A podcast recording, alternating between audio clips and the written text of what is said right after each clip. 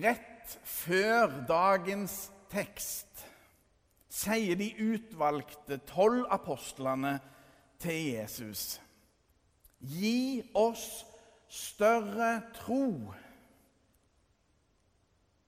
Og Jesus svarer med å si de berømte ordene om at med tro, stort som et lite sennepsfrø, kan de utrette hva som helst. Jesus setter dermed alt i det rette perspektivet. La oss høre Herrens ord. Gud være lovet. Halleluja, halleluja, halleluja. Det står skrevet i evangeliet etter Lukas.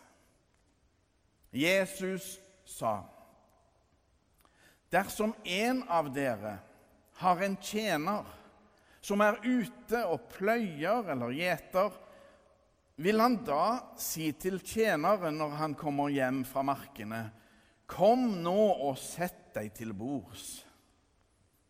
Nei, han vil si, Lag til kveldsmaten, bind opp kjortelen og stå til tjeneste for meg mens jeg spiser og drikker. Etterpå kan du selv få deg mat. Takker han vel tjeneren for at han gjorde det han var pålagt? På samme måte med dere. Når dere har gjort alt som er pålagt dere, skal dere si:" Vi er unyttige tjenere og har bare gjort det vi var skyldige til å gjøre. Slik lyder det hellige evangelium. Gud være lovet. Halleluja, halleluja, halleluja.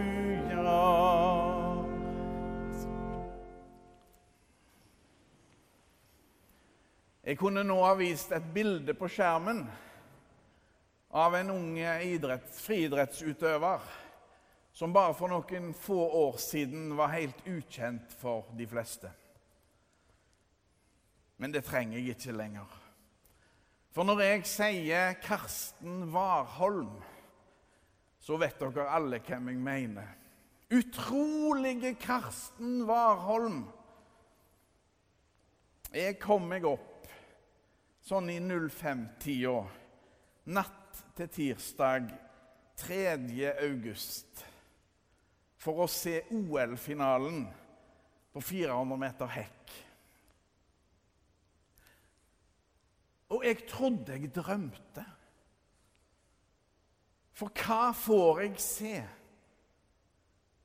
Karsten Sudre sin egen verdensrekord med 76 hundredeler. 45,94. Etter min oppfatning så er det tidenes beste norske idrettsprestasjon. Med Jakob Ingebrigtsen og hans 1500 meter gull som en god nummer to. Jeg trodde jeg drømte. Men det gjorde jeg ikke. Karsten Warholm og treneren hans har et motto som lyder slik Bedre godt gjort enn godt sagt. Bedre godt gjort enn godt sagt. Jeg holdt på å si det er godt sagt. Men bedre godt gjort enn godt sagt. Det er egentlig hele Guds skaperverk og frelsesverk, det. Summert i én setning. For Gud lar ordet skape hva det nevner. I Guds munn blir ord til handling. Vår Herre Jesus lever slik han lærer. Han går inn i smerten for vår skyld og fullfører frelsesverket. Han sudrer alt som heter dødskrefter og ondskap påskemorgen. Påskemorgen betyr alt. Men dagens ord fra Jesus krever mye av oss. Jesu ord er nesten brutale. De er fra en annen virkelighet. På en samlingsgudstjeneste som egentlig er meint som en semesteroppstart for Lura menighet, kan de ordene jeg nettopp har lest fra Jesus, oppleves som nedslående. Hvor blir det av den gode oppmuntringen vi trenger nå i disse koronatider? Hvor er lyset? Hvor er håpet? Hvor er anerkjennelsen? Det kan virke som om det er paradokset, sjølmotsigelsen, som lyser sterkest imot oss i denne teksten. Vi er gjort frie til å være Guds barn, og på samme tid til å være Guds tjener. Og ikke bare tjener, men faktisk Guds slave. For ordet 'dolos' i den greske grunnteksten betyr slave. Og da blir Jesu ord enda mer krevende. Den siste setningen blir jo da sånn Vi er unyttige slaver og har bare gjort det vi var skyldige til å gjøre. Jesus utfordrer oss alle med disse ordene. Det er nesten som om Jesus tvinger oss til å ha det rette perspektivet. Jesu ord er tøffe, for de setter oss i skyggen. Gud er eieren av vingården. Det er Herren som bestemmer. Jesus viser oss tydelig hvem som er sjef. Gud er sjefen. Vi er hans barn og tjenere. Da gir de mening, de tøffe ordene fra Jesus. For fellesskapet her i kirka baserer seg på Gud. Guds nåde i Jesus Kristus. For oss alle, liten og stor. Det dreier seg om å høre til, være en del av noe større, tilhøre sjølveste kjærligheten, Gud.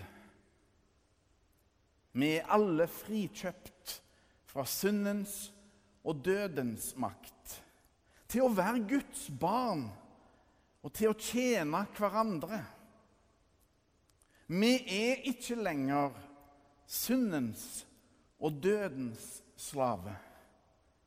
Men kjøpt frie og berga inn til barnekår og tjeneste. Fra døden til livet.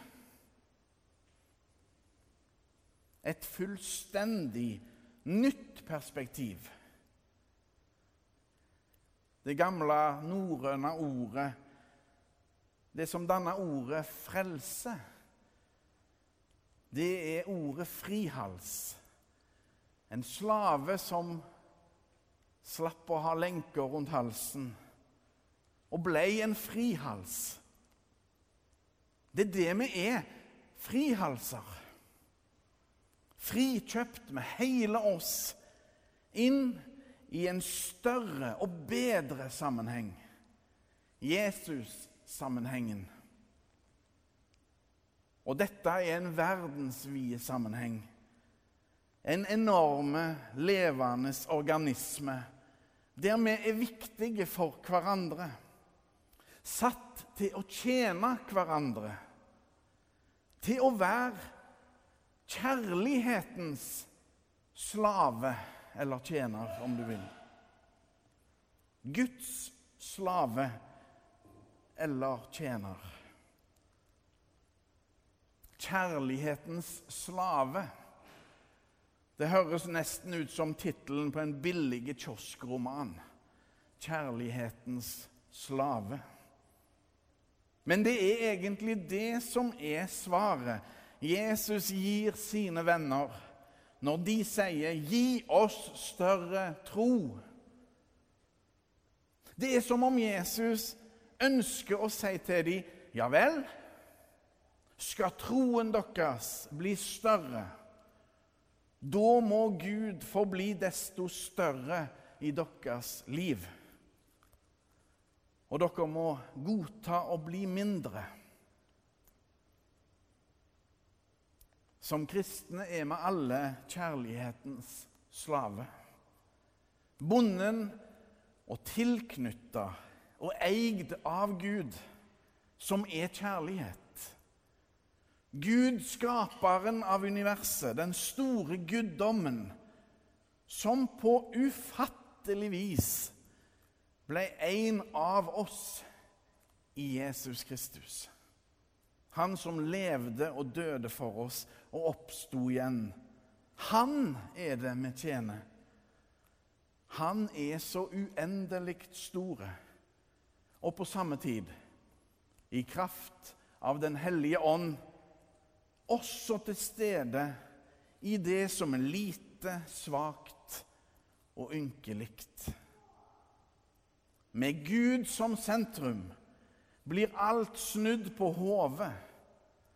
Derfor er Jesu ord også til oss, her og nå, i dag. I Guds nærhet, i kjærlighetens nærhet, blir det fort mye aktivitet og bevegelse. Det fikk vi sett nå innledningsvis av gudstjenesten. Tro, tilhørighet og tjeneste. Det er vår visjon her i Lura menighet. Men uten kjærlighet fungerer det ikke. Og Jeg hørte en gang en prest som sa Tro uten kjærlighet er livsfarlig. Tro uten kjærlighet er livsfarlig. For det kan i ytterste fall føre til terror og djevelskap. Det viser nyhetsbildet altfor tydelig. Treneren til Karsten Warholm Leif Olav Alnes. Han har vært trener i friidrettsmiljøet utrolig lenge. Til og med da jeg var utøver på 80- og 90-tallet. Og så opplevde jeg da for to år siden, under lag-EM i Sandnes,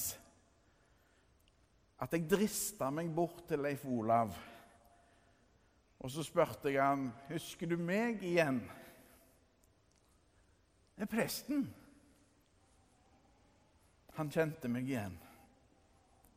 Så hyggelig å bli sett og huske. Godt gjort. Kjære bror og søster. Kjære søsken og medtjenere. Vi trenger hverandre. Vi trenger Jesus og hans død og oppstandelse. Vi trenger fellesskapet dette gir oss. Vi er kjøpt frie til å være barn og tjenere i Guds hus. Derfor skal vi tjene Han og hverandre. Husk, du er Guds tjener. Husk, du er Guds tjener. Ære være Faderen og Sønnen og Den hellige ånd, som var, er og blir en sann Gud fra evighet og til evighet. Amen.